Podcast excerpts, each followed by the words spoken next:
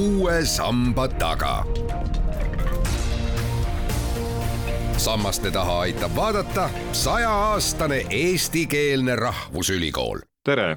ette võin öelda, et nad on bakterite seente loodud või tööstuslikult sünteesitud ained, mis surmavad mikroorganisme või pärsivad tugevalt nende kasvu. Teadlikkuse tõstmise auks on suisa Euroopas vastav päev olemas, ehk siis me võtame professor Tanel Tensoniga jutuks täna antibiootikumid. jutujuht on Madis Ligi, järelikult tunnetate, et inimesed teavad antibiootikumidest liialt vähe ja on vaja teadmisi kasvatada ja tähelepanu tõmmata. jah, loomulikult see oli, oli ikkagi selleks põhjuseks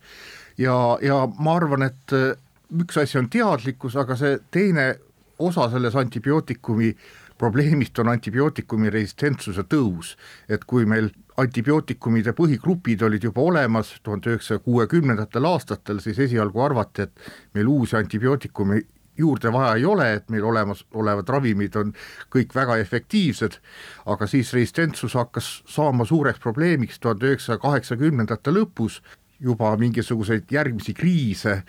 kardeti tuhande üheksasaja üheksakümnendate keskel ja siis hakati selle teemaga aktiivsemalt tegelema ja loomulikult meil on vaja kindlasti kogu aeg uusi antibiootikumi juurde välja töötada ja loomulikult see ka see teadlikkuse tõus on kindlasti oluline. tuntum antibiootikum on vast penitsiliin, kuid loodusest on ju ka neid võtta, mida rahvas hoolega kasutab tegelikult äh, penitsiliin ei olnud esimene antibiootikum, mis kasutusele tuli. et siin selles definitsioonis juba tänapäevaselt on, ei tehta vahet enam looduslikel ja sünteetilistel antibiootikumidel ja tegelikult äh, penitsiliin tuli kasutusele Teise maailmasõja ajal, aga esimene ka tänapäeval kasutatud antibiootikumide grupp tuli siis ravimina kasutusele aastal tuhat üheksasada kolmkümmend viis. Ja see oli ravimifirma Bayer poolt sünteesitud ravim Prontosiil ja, ja see on sulfanüülamiidide grupi kõige esimene ravim ja seda ravimigruppi kasutatakse tänapäevani Teil lõppes just kolmeaastane projekt, kus te siis uurisite koos kolleegidega antibiootikumide kasutamist ja resistentsust niisiis inimmeditsiinis kui ka veterinaarias ja ka jääkide levikut keskkonnas. kas me peame olema mures, nende ohtlikkuse kõver läheb tabelis üles või on siin selline platoo? no ma arvan, et, et Eestis me kasutame antibiootikume vähe ja selle tõttu on ka meil resistentsus väiksem, aga, aga kui me mõtleme siin nakkushaiguste peale nagu koroonaviiruse peale, siis ega me ei ole, me ei ole Eestis üksi ja, ja kui mitmetes maailma osades kasutatakse antibiootikume väga mõõdutundetult ja raske resistentsusete nakkuste osakaal kindlasti tõuseb, siis me oleme kogu aeg mures, et millal nad siia jõuavad. kas see liigne kasutamine on seotud sellega, et tahetakse mingit haigust nagu ennetada või on see põhjus kusagil mujal? no ei oska öelda, ma arvan, et, et üks on kindlasti ennetamine, üks on ka traditsioonide küsimus, kuidas siis äh, arstid on välja õpetatud ja peab ka aru saama, et äh, väga paljudes riikides on ikkagi antibiootikumid vabamüügis ja inimesed, kes tunnevad ennast natukene hai-, haigelt, mõtlevad, et äh, hoian selle arsti pealt raha kokku ja ostan parem antibiootikumi, nii et äh, nii et ka sellist ravi, ravi tehakse ja, ja kui me vaatame antibiootikumide hulgale, mida maailmas kasutatakse, siis äh, enamus antibiootikumi kasutatakse ju loomakasvatuses. Ja see resistentsus tekib loomakasvatuses ja siis ta lõpuks jõuab ka inimesele, nii et see on ka kindlasti ohukoht ja loomakasvatuses on, on veel probleemiks see, et lisaks ravile eh, kasutatakse antibiootikume ka muudel eesmärkidel. Eh, üks asi on, on, on ka pidev profülaktika, et kui sul on loomad hästi tihedalt farmis, siis on hea natukene antibiootikumi kogu aeg sees hoida, et nakkus ei hakkaks levima ja veel väga huvitav antibiootikumi mõju, mis avalda-, avastati kohe, kui, kui need antibiootikumid välja töötati, see oli kuskil viiekümnendatel nähti, et kui antibiootikumi kogu aeg madalas kontsentratsioonis äh, loomas hoida, siis hakkab loom kiiremini kaalus juurde kasvama. ja see on selline madal kontsentratsioon, mis ei ole nagu ravikontsentratsioon otseselt, ja kui sa hoiad madalas kontsentratsioonis pidevalt sees, äh, siis äh, see selekteerib seda resistentsust kõige paremini nii et Euroopa Liidus sellise kasvu promootorina antibiootikumi kasutamine on keelatud, aga eks mõnedes kohtades maailmas seda ikkagi kasutatakse aga kui seesama näide tuua inimühiskonda, kas, kui mõni tahab kaalus juurde võtta, võtab antibiootikume ja kilogrammid tulevad? jah, ma nüüd täiskasvanud inimeste peale ei oska öelda, aga, aga laste kohta on küll mitmeid töid, kus siis laste kehakaal ja ka ülekaalulisus korreleerub päris hästi sellega, kui palju nad antibiootikumi on tarvitanud. Professor Denson, kui te seda kolmeaastast projekti tegite, kuidas te neid proove võtate, siin seoses koroonaga on teie valdkond olnud väga pildis ja sellest on räägitud, et üks ja teine proov seal näitas seda ja hiljem ka veel narkootikumidega on see välja tulnud, kuid kui nüüd räägime antibiootikumidest, kas siis need on eraldi proovid ja projekti jaoks te võtsite spetsiaalseid proove? Ja sai võetud ka spetsiaalseid proove, eriti kui me räägime siin näiteks jääkidest keskkonnas, kus tuli võtta eraldi keskkonnaproovid, eh, siis eh, tuli võtta proovid eh, loomalautadest, et seal tavatööna neid, neid bakteriaalseid nakkustekitajaid ju ei isoleerita, aga inimese meditsiinisüsteemist tulnud proovid tulid meil ikkagi nii-öelda tavatöö kõrvalt, et me lihtsalt analüüsisime neid tavatööga tekkivaid proove lihtsalt põhjalikumalt ja lisaks proovidele me analüüsisime ka muid andmeid, selles mõttes, et äh, oluline ei ole ainult see proov, vaid, vaid üks meie eesmärke oli, oli saada aru, kuidas täpselt antibiootikumi Eestis kasutatakse. nii et vaatasime mm, siis äh, antibiootikumide kasutust väljaspool haiglat, haiglates, analüüsisime Haigekassa andmeid, et neid niisuguse täpsusega siis äh, ei analüüsita. Ja, ja mis meil loomakasvatuses on olnud suur probleem, on see, et, et me teame antibiootikumide üldiseid müüginumbreid, aga me isegi ei tea, kuhu need antibiootikumid lähevad, isegi mis loomaliigile nad lähevad, nii et, nii et ka seda me püüdsime, püüdsime kindlaks teha. Kuid kui te proove võtate, kõige paremini paistab see kasutus välja siis ilmselt heitveeproovide pealt jah, ega see heitveproovidega me selle projekti käigus nüüd nii palju otseselt ei, ei tegelenud, aga ega me neid, neid reoveeproove oleme ennem antibiootikumi resistentsuse uurimises ka kasutanud ja tõepoolest seal me näeme, et, et reoveepuhastisse jõuab rohkem siis resistentseid baktereid mõnes punktis, kus on, kus on siis näiteks rohkem haiglaid ja nii edasi, aga, aga praegu me ikkagi püüdsime omada nagu suuremat täpsust, et mis haiglas on missugused nakkuspuhangud ja, ja missugustel patsientidel on, on missugused haigustekitajad.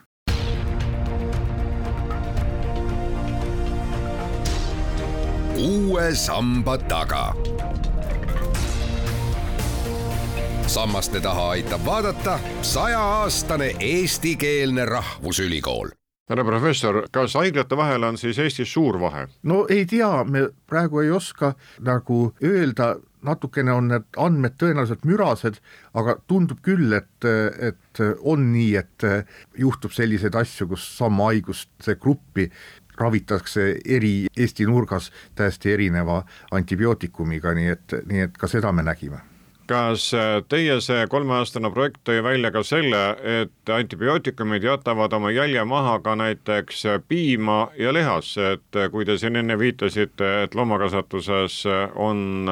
neid kasutatud päris palju? no seda ei ole, seda alati nagu, nagu küsitakse, kui me räägime sellest loomakasvatuses kasutamisest, et kuidas need antibiootikumid siis, et inimesed kardavad, et nüüd on antibiootikumi jäägid piimas või lihas tegelikult seda, seda ei juhtu, aga antibiootikumi jääkide ja, ja tegelikult võib-olla suurem probleem on nende resistentsete bakterite selektsioonis seal, et need liiguvad edasi sellest loomast äh, siis lägaga põllule, äh, nad võivad olla nende loomakasvatuse toodete peal niimoodi, et, et äh, noh, me neid küll termiliselt töötleme, aga, aga toiduga nad võivad, võivad meile koju tulla, nii et, nii et need resistentsed bakterid on, on nagu suurem probleem kui need jäägid. nii et üldiselt on nii, et äh, ikkagi seda kontrollitakse, et piimas ja lihas antibiootikumi jääke ei oleks. Ja ennem seda, kui siis loom tapamajja läheb või looma lüpsma asutakse, siis peab olema teatud periood selle antibiootikumi kasutamise ja siis äh, selle lüpsmise või tapamaja viimise vahel, mis väldib selle, et antibiootikumi jäägid otseselt toitu jõuaksid. ja siin on nagu üks Eesti, Eesti suuremaid murekohti meil ka, et äh, erinevad antibiootikumid lagunevad erineva kiirusega selles loomakehas ja on sellised antibiootikumid, mis on inimmeditsiinis väga kriitiliselt tähtsad ja me loomakasvatuses neid tegelikult eriti kasutada üldse ei sooviks, aga kus me oleme muidu antibiootikumide madalad kasutajad ka loomakasvatuses, kui me võrdleme ennast näiteks muu Euroopaga, siis seal on antibiootikumi grupid, kus me oleme lausa kõige suuremad kasutajad ja, ja kui me vaatame, mis seda siis tingib, on see, et need antibiootikumid lagunevad looma kehas väga kiiresti. nii et kui me seda näiteks äh, lehmal kasutame, siis me ei pea seda piima ära viskama, kuna antibiootikum laguneb seal lehma kehas kiiresti ära ja selle tõttu nad meil, meil sinna piimakarja on jõudnud, nii et, nii et selline probleem on meil, meil kindlasti olemas ja püüame sellega tegeleda. No probleem on ka siis, kui see resistentsus tekib, olgu siis inimesel või olgu ka loomal, siis need rohud enam ei tööta. Jah, jah, ongi, ega, ega siis lõppkokkuvõttes on see, et et äh, kardame, et tekivad nakkustekitajad, mida meil ei ole millegagi enam ravida. nii et äh, ma arvan, esimene suurem kriis oli üheksakümnendate aastate keskel, kus oli haiglates saadav selline nakkus nagu meditsiliini resistentne stafylococcus aureus ja see resistentsuse tase läks, läks kõrgeks ja siis oli ainult üks antibiootikum, vankomütsiin, mida sai siis kasutada selle nakkuse puhul ja, ja selle stafylococcus aureusel tõusis ka vankomütsiini resistentsuse tase ja oli karta, et need meditsiliini ja vankomütsiini resistentsus omavahel kombineeruvad ja siis ei ole meil seda nakkust enam millegagi ravida. no seda õnneks ei juhtunud tol hetkel ja nüüd on meil paar uuemat ravimit ka, mis stafylococcus aureuse vastu töötavad ja, ja on leitud ka haigla hügieeni nippe, kuidas seda haiglas, haiglas allpool hoida, nii et see ei ole enam, enam kõige suurem probleem, aga nüüd on meil järgmised nakkustekitajate grupid, eh, mis siis eh, on tulipunktis, aga eks, eks nii paljud siis teadlased on püüdnud ka seda antibiootikumi resistentsuse tasemeid ennustada, et kuhu poole me, kuhu poole me siis liigume ja teinud selliseid lineaarseid või eksponentsiaalseid ekstrapolatsioone ja leidnud, et mõnekümne aasta pärast on olukord väga halb või midagi nii, aga, aga tegelikult kui me vaatame, siis need protsessid ei ole nii hästi ekstrapoleeritavad, et äh, minu meelest kõige parem mudel on selline vene rulett, et me teame, et ühes, ühes äh, siis äh, pesas on padrun sees, vajutame iga kümne aasta tagant päästikule ja siis, siis kas juhtub midagi või ei juhtu midagi, et, et ma arvan, et see on meie tänapäevaste teadmiste baasil kõige parem mudel, mis, mida öelda, et kui suur see kriis on ja kas varsti võib midagi halba juhtuda kuid kas antibiootikumidele on ka alternatiive, et kui me muretseme, et siin ja seal on neid kasutatud liiga palju, kas siis on midagi asemele võtta? no on kindlasti, esimesed asjad on, on siis ju, ju ega siis äh, antibiootikumid ei olnud esimene võimalus bakterite üldse nakkushaiguste vastu võidelda, et äh, vaktsineerimine on, on kindlasti üks ja, ja hästi läbiproovitud võimalus ja vaktsineerimist ju tänapäeval kasutatakse ka tava äh, siis praktikas üldiselt populatsioonis teatud haiguste eemalhoidmiseks, näiteks siis läkaköha on üks hea näide, mille vastu me oleme inimesi vaktsineerinud juba, juba pikka aega ja ja millega on see läkaköha tase madal hoitud, nii et, nii et olemasolevate vaktsiinide kasutamine, uute vaktsiinide väljatöötamine on kindlasti, kindlasti üks viis, samamoodi eh, saab kasutada neid kaitsvaid antikehasid, töötada välja need teatud nakkustekitajate vastu. Ja kindlasti asi, millest palju räägitakse, on, on siis äh, baktereid nakatavad viirused on ka olemas, et me räägime tavaliselt viirushaigustest, kes nakatavad inimesi, aga ka bakteritel on, on oma viirused ja neid bakterite looduslikke vastaseid siis bakterite vastu ära kasutada. nii et ka, ka seda hakati tegema ennem seda, kui need esimesed antibiootikumid töösse tulid juba kohe, kui need bakterid nakatavad viirused tuhande üheksasaja kümnendatel aastatel avastati, kohe ka näidati, et nendega on teatud haigusi võimalik ravida. see on siis faagiteraapia? jaa, sellest ma just praegu rääkisin, need, need bakterid nakatavad viirused, need ongi ju, ju bakteriofaagid ehk, ehk lühendatud faagid ja, ja seal on kogu aeg olnud probleem see, et äh, need faagid ja need bakterid, need muutuvad väga kiiresti ja tüüpiliselt siis igale patsiendile või noh, loodame vahest mingi patsiendigrupile on vaja seda nakkust isoleerida, võib-olla talle eh, spetsiifilist ravi, patsiendi spetsiifilist ravi siis äh, igale patsiendile spetsiifilised faagid leida, nii et see on, see on see probleem olnud. teine probleem, mis on olnud, olnud faagiteraapiat pidurdav, on kindlasti regulatoorne et need ravimiametid, kes reguleerivad, mida inimesel võib kasutada, neile ei ole meeldinud see võimalus, et me kasutame siis sellist ravimeetodit, mis võib ravi ajal kontrollimatult meie kehas liikuda ja samamoodi ka muteeruda, et me ei tea, milliseks see bakterit nakatav viirus siis, siis meie kehas võib muutuda, et äkki muutub millekski halvaks. et ka see on, see on, aga nüüd on sellest nagu äh, nagu üle saadud ja on proovitud siis regulatsioonidega minna nii kaugele, et, et seda ikkagi lubada ja midagi hullu ei ole juhtunud. päris mitmes riigis, eh, ma tean, Belgia oli siin üks pioneere ja, ja Inglismaal ka seda faagiteraapiat eh, kasutatakse, rääkimata muidugi Gruusiast, kus seda ei ole, selle kasutamist ei ole kunagi ära lõpetatud, aga aga, aga Euroopas kasutatakse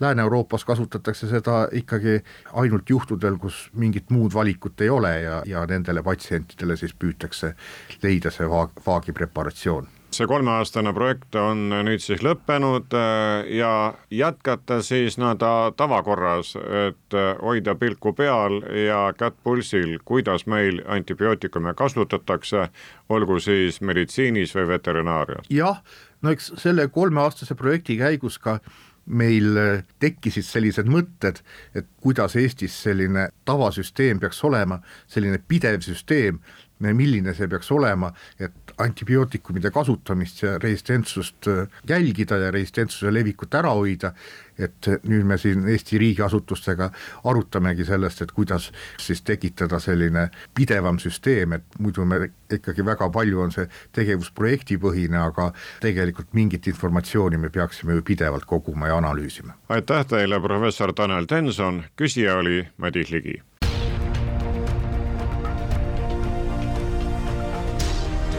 uue samba taga. Sammaste taha aitab vaadata sajaaastane eestikeelne rahvusülikool